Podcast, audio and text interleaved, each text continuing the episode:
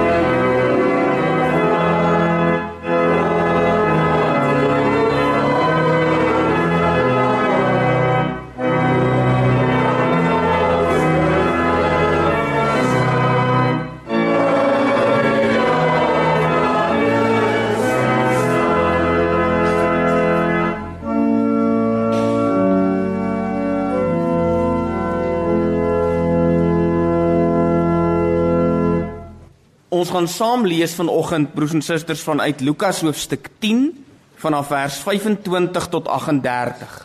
Ons gaan saam lees vanuit Lukas 10 vers 25 tot 38. Dis die gedeelte waarin Jesus vertel van die gelykenis van die barmhartige Samaritaan.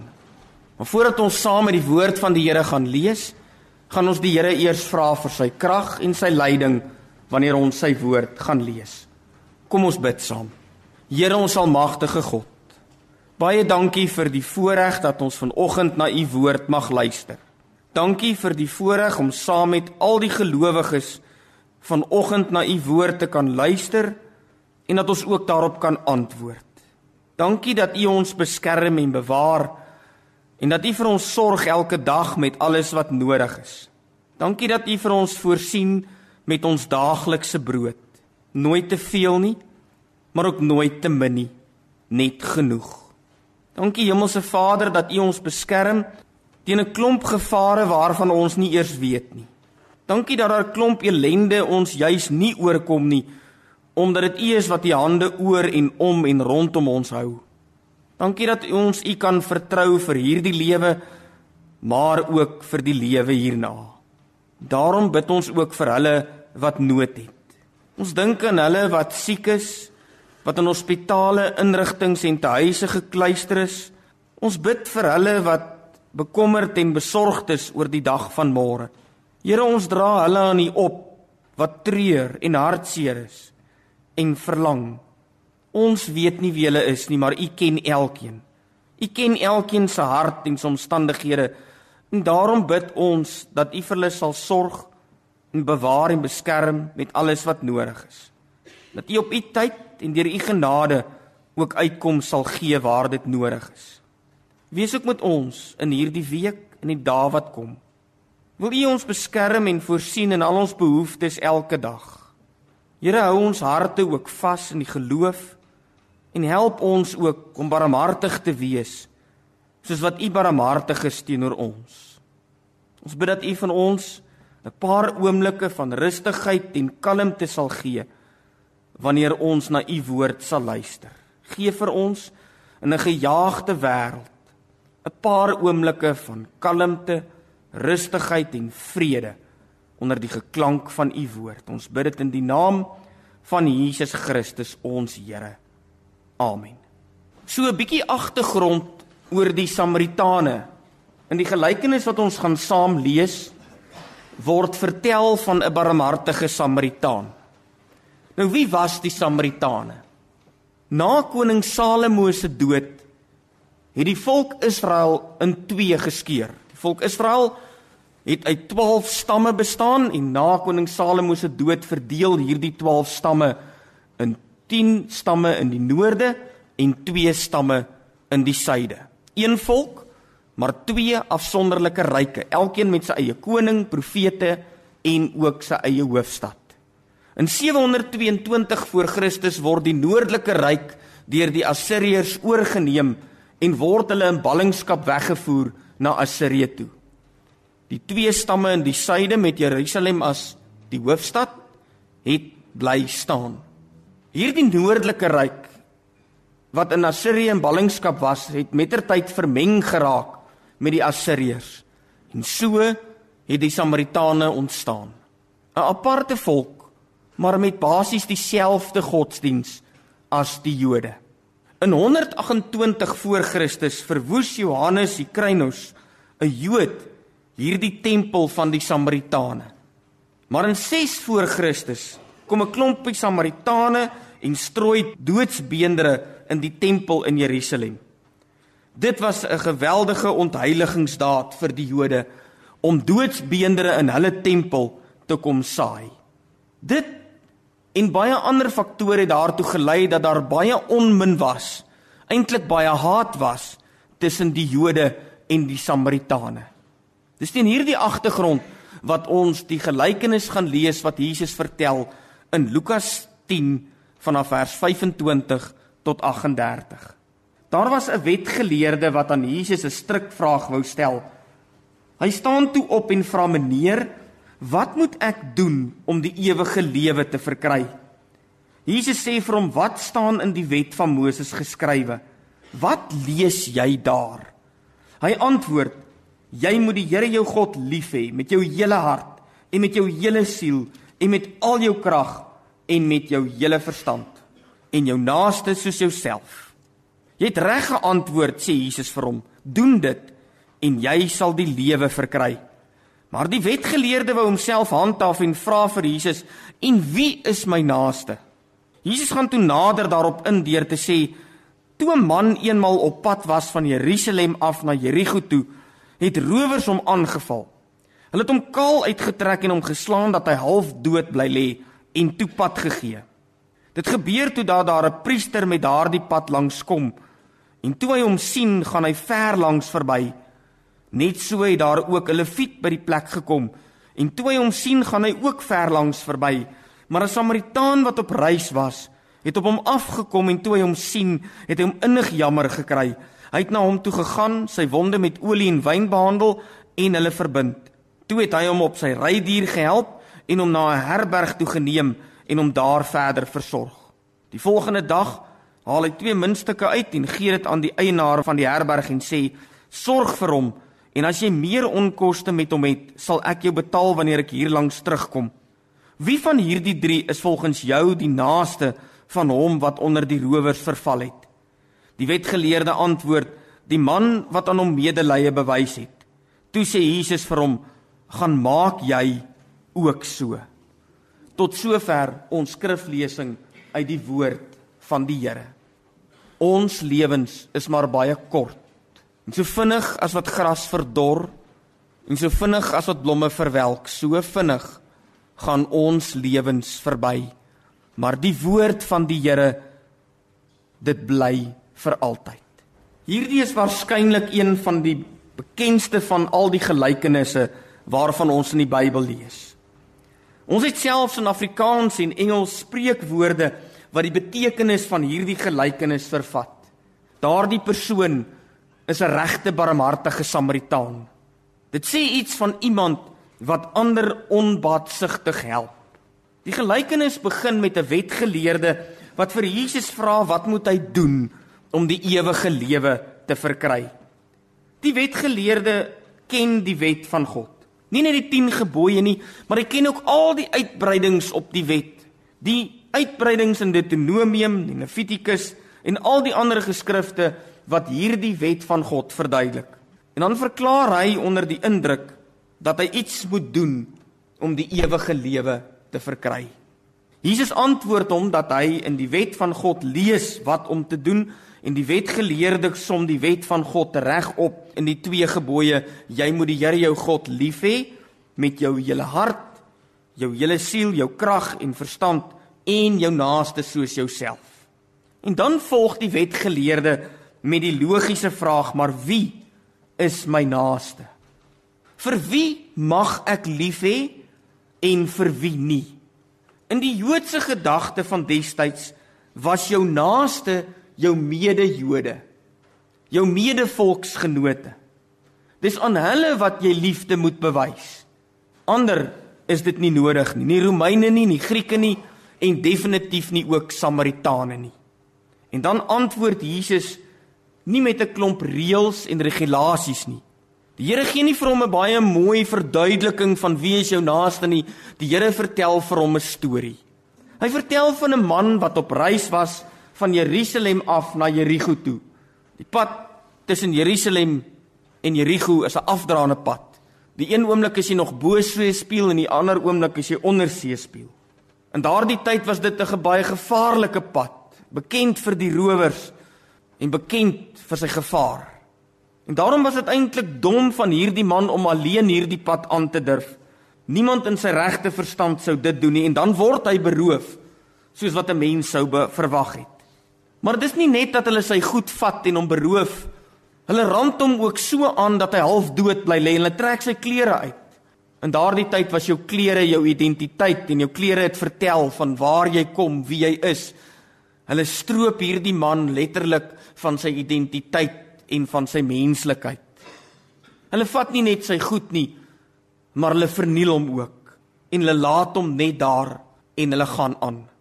En dan vertel Jesus kom daar 'n priester verby. Priesters was in daardie tyd op die skaal van heiligheid heel bo. Hulle was die naaste aan God. Hulle was diegene wat God gedien en God bedien het. Priesters was diegene wat naby aan God geleef het en wat God se wil geken het. Daarom mag hulle niks doen wat hulle dalk onrein sou maak nie. Hierdie priester het waarskynlik die reël van Levitikus 21 nagekom wat bepaal het dat 'n priester hom geensins aan naby enige lijk mag kom nie. Die priester loop verby 'n beseerde man. En dan sê Jesus kom daar ook 'n leviet verby. Ook gaan hy ver langs verby. Lewiete het diens gedoen in die tempel en hulle was ook hier bo aan die heiligheidskaal. Hulle was ook baie naby gereken aan God. Hulle moes ook rein bly solank as wat hulle in die tempel diens gedoen het. En daarom loop hy ook maar verby. En dan sê Jesus, kom daar 'n Samaritaan verby. Hy kry hierdie beroofde man innig jammer en hy gaan na hom toe Hy verbind sy wonde en hy behandel dit met olie en wyn. Olie en wyn was destyds gebruik as ontsmettingsmiddels en as pynstillers. Baie kosbare items. Tog gebruik hierdie Samaritaan sy kosbare items om 'n beseerde, halfnaak Jood langs die pad te help. En dis nie al nie. Die Samaritaan vat hom ook na 'n herberg toe en daar betaal hy vir die sorg van hierdie man. Om die waarheid te sê, hy sê vir die herbergier as daar nog iets kort kom, sal ek dit vir jou terugbetaal as ek weer hier langs kom. Om die trefkrag van hierdie Samaritaan te verstaan, moet ons in gedagte hou dat die Samaritane en die Jode mekaar destyds met 'n passie gehaat het. Die Samaritane is deur die Jode verag omdat hulle hierdie heiligingskennis van die tempel gedoen het in 6 voor Christus toe hulle die dooie beendere daar gestrooi het. Hierdie Samaritaan was besonder deur die Jode verag oor wat oor wie hy was en wat hy gedoen het. Hy was 'n Samaritaan. Hy's erg deur die Jode van destyds gehaat. In die gedeelte net voor die gelykenis wat ons saam gelees het word vertel dat Jesus by 'n Samaritaanse dorp gekom het en dan weier die Samaritane dat Jesus in daardie dorp ingaan. Die Samaritane was selfs teenoor Jesus vyandig. En boonop was hierdie Samaritaan 'n handelaar, 'n welgestelde handelaar. Hy het olie en wyn en geld saam met hom gehad. In daardie tyd was handelaars beskou as ryk omdat hulle ten koste van ander mense ryk geword het. Hulle is baie keer beskou as diewe, baie keer beskou as mense wat ander mense beroof en uitbuit en ten koste van ander mense ryk word. En daarom is hulle ook verag. Hulle is verdra want hulle het goedere gebring wat 'n mens kon mee handel dryf.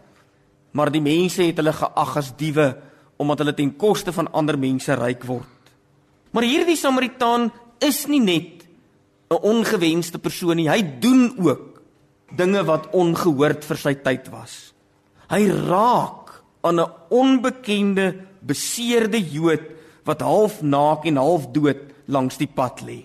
Dit doen 'n mens nie in daardie tyd. Net om aan so iemand te raak sou jou onrein gemaak het en daardie risiko wou niemand loop nie. Verder neem hierdie Samaritaan die beseerde man na 'n herberg toe. Herberge was berig vir hulle onreinheid. Dis deur ongierige karakters bestuur en besoek en dit was nie die plek vir enige gerespekteerde Jood nie. Hierdie Samaritaan was nie net gehaat omdat hy 'n Samaritaan was en 'n handelaar nie, maar ook omdat hy ongewenste dinge doen. Wanneer Jesus vir die wetgeleerde vra wie is die beroofde man se naaste, dan is die wetgeleerde se antwoord dat die een wat aan die beseerde man medelee bewys het, Dis die een wie sy naaste is. Die Samaritaan word die beseerde man se naaste toe hy aan hom barmhartigheid bewys het. Aan die begin van die gelykenis vra die wetgeleerde, "Wat moet ek doen om die ewige lewe te verkry?" En aan die einde van die gelykenis dan sê Jesus vir hom, "Gaan doen jy ook so?" Jesus gebruik gelykenisse om te wys hoe lyk God se koninkryk. Wanneer God 'n mens se lewe beheer, dan lyk dinge baie anders. Die gelykenisse is vertellings wat die bekende omkeer tot iets anders, iets nuuts. In die plek van die bestaande wêreld en ervaring van die hoorbare teken die gelykenisse prentjies van hoe die wêreld behoort te wees. Die gedagte van hierdie gelykenis is duidelik. Jesus wil aantoon dat in God se wêreld ken barmhartigheid nie grense nie. 'n Ryk handelaar, Samaritaan wat vir 'n beroofde man 'n naaste word omdat hy hom in sy nood gehelp het, terwyl die priester en die leviet wat van beter behoort te weet, net nie omgee nie. Die gelykenis vertel iets daarvan dat vir die koninkryk van God is mense belangriker as dinge en reëls. Vir die Samaritane was hulle tempel heilig. Vir die Jode was hulle tempel heilig. Jesus wil iets by die mense tuisbring dat mense eerder as plekke of reëls heilig behoort te wees. Met hierdie gelykenis wil Jesus ons leer dat om diegene in nood mis te kyk is 'n fout. Hy wil ons leer om nie verby die beseerders die vertraptes en die ellendiges te kyk nie. In hierdie gelykenis word vertel dat die rowers kom aan en hulle sien hierdie man en hulle beroof hom en dan verniel hulle hom en hulle vertrek weer. Die priester kom daaraan sien die man maar gaan verby. Die leviet kom sien die man maar gaan verby. Die Samaritaan, 'n handelaar kom sien die man, kry hom innig jammer en bly by hom. Ons beleef daagliks nood rondom ons. Ons het daagliks die mense rondom ons wat seer gekry het. Nie net mense wat materieel nood het nie, maar ook hulle wat deur emosionele en ander nood gaan. Hulle wat verwerp, alleen en moeg geword het. Hulle wat moedeloos, hulpeloos en afgestomp geraak het in die lewe. Ons sien hulle gereeld rondom ons. Hulle wat in die lewe half dood en half naak agtergelaat is. Maar wat doen ons? Hoeveel keer stap ons ook nie maar ver langs verby nie, want dit is dalk iemand anders se verantwoordelikheid of se plig. Dit is dalk 'n ander instansie se verantwoordelikheid om te help en om barmhartigheid te betoon. Boonop is dit baie keer hulle eie skuld. Dis hulle eie domheid om op 'n gevaarlike pad te loop tussen Jerusalem en Jerigo waar jy weet die rowers skuil. Soms is dit eintlik net 'n oor wat nodig is. Soms net 'n bemoedigende woord. Ander kere is dit weer fisiese hulp om wonde te verbind en om te help. daarmee is die boodskap nou nie om onverantwoordelik op te tree nie om te stop wanneer dit gevaarlik kan wees nie. Maar daar's tog vandag verantwoordelike en veilige maniere om medelee te betoon. Daar's soveel tye om barmhartig te wees. Soos wat God teenoor ons barmhartig is. Want dit is hoe God in Jesus Christus aan ons barmhartigheid bewys het. Die gelykenis van die barmhartige Samaritaan wat ons gelees het, is deel van die reisverhale in Lukas. Dit begin in Lukas 9 tot by Lukas 19 waar Jesus op pad is na Jerusalem toe om daar gekruisig te word. Hy vertel dit vir sy disippels en hy weet dit dat hy daar gekruisig gaan word. Hierin word God se barmhartigheid vir mense sigbaar dat Jesus Christus aan die kruis sterf om mense se sonde weg te neem.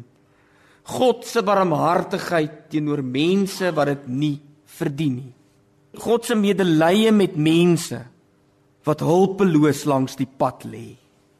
God se barmhartigheid teenoor mense wat dit nie verdien nie, roep ons ook op om barmhartigheid en medelee aan ander te betoon. Sy barmhartigheid moet ons barmhartigheid word. Vroer in Lukas dan sê Jesus vir die mense: Wees barmhartig soos julle Vader barmhartig is. Nou is die opdrag om dit te gaan doen. Soos Jesus se opdrag aan die wetgeleerde is, gaan maak jy ook so. Sal jy dit doen? Amen. Ons gaan saam sing Gesang 284 strofes 1, 2 en 3. Gesang 284 is 'n gebed. Dis 'n verwerking van 'n gebed wat geskryf is deur Franciscus van Assisi. Franciscus van Assisi is gebore in die jaar 1182. Hy was die seun van 'n ryk tekstielhandelaar in Bederf en selfs effens verwaand. Hy het sy ryksmans lewe geniet en op spandabelrige wyse bly sy rykmans lewe uit te leef. Op 22 raak hy ernstig siek en dan kom hy tot bekering. In die evangelies lees hy dat Jesus vir sy disippels uitstuur en hulle beveel om niks vir die pad saam te vat nie met 'n kierie, geen kos, geen reissak, geen geld in die beursie nie en Franciscus van Assisi volg dit letterlik. Hy laat sy ryksmans lewe agter en begin die lewe van 'n een eenvoudige reisiger met niks. En dan skryf hy hierdie gebed wat ons nou gaan sing. Laat Heer u vrede deur my vloei. Waar haat is, laat ek daar u liefde bring. Laat ek in pyn en smart vertroostend wees en krag gee deur geloof in U, o Heer. O Heer, help my om altyd so te leef om ander hoër as myself te ag. Ja, om lief te hê ander bo myself en ook eerder te gee as te verwag. Laat Heer u vrede deur my vloei en laat ek hoop gee waar daar twyfel is. Ek wil u lig in duisternis laat skyn.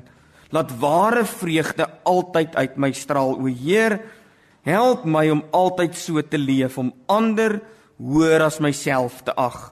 Ja, om lief te hê ander bo myself en ook eerder te gee as te verwag. Laat Heer u vrede deur my vloei. Leer my om ook soos u te kan vergeef. Maak my bereid om aan myself te sterf dat ander u al meer in my kan sien.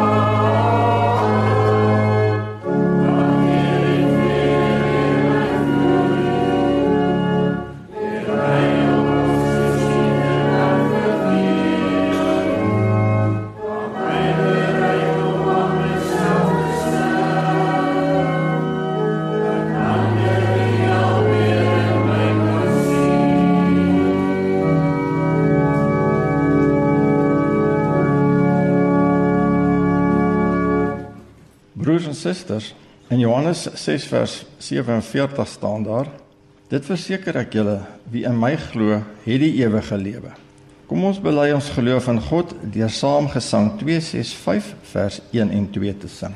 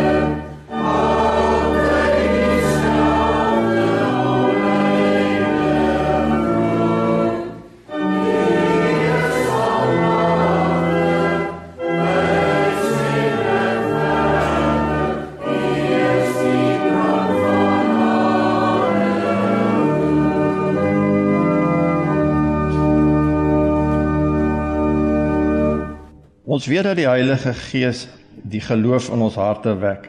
En omdat ons gelowiges is, daarom leef ons ook uit dankbaarheid soos die Here wil. Kom ons luister uit Romeine 12 vers 9 tot 21 hoe die Here wil hê ons moet leef. Die liefde moet opreg wees. Verafskiet wat sleg is en hou vas wat aan goed is. Betoon hartlike bloederlike liefde teenoor mekaar. Bewys eerbied teenoor mekaar en wees mekaar daarin tot voorbeeld. Moenie in julle toewyding verslap nie. bly altyd geesdriftig, dien die Here. Verbly julle in die hoop, staan vas in die verdrukking, volhard in gebed. Help die medegelowiges in hulle nood en lê julle toe op gasvryheid. Seën julle vervolgers, ja, seën hulle. Moet hulle nie vervloek nie. Wees bly saam met die wat bly is en treur saam met die wat treur. Wees eensgesind onder mekaar. Moenie hooghartig wees nie, maar skaar julle by die nederiges. Moenie eie wys wees nie. Moenie kwaad met kwaad vergeld nie. Wees goedgesind teenoor alle mense. As dit moontlik is, sover dit van julle afhang, leef in vrede met alle mense. Moenie self wraak neem nie, geliefdes, maar laat dit oor aan die oordeel van God. Daar staan immers geskrywe: Dit is my reg om te straf. Ek sal vergeld, sê die Here. As jou vyand honger is, gee hom iets om te eet. As hy dors is, gee hom iets om te drink. Want deur dit te doen, maak jy hom vuurrooi van skaamte. Moet jou nie deur die kwaad laat oorwin nie, maar oorwin die kwaad deur die goeie. Kom ons wy ons lewens aan die Here deur saam gesang 245 vers 1, 2 en 3 te sing.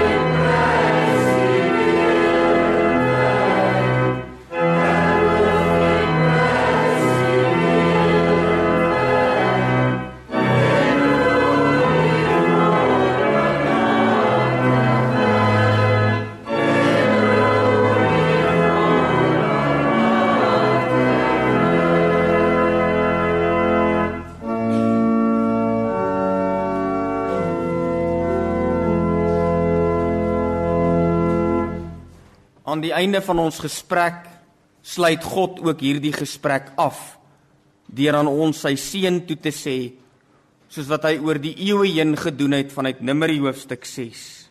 Die Here sal ons seën en ons beskerm. Die Here sal tot ons redding verskyn en ons genadig wees. Die Here sal ons gebede verhoor en hy sal aan ons vrede gee. Amen.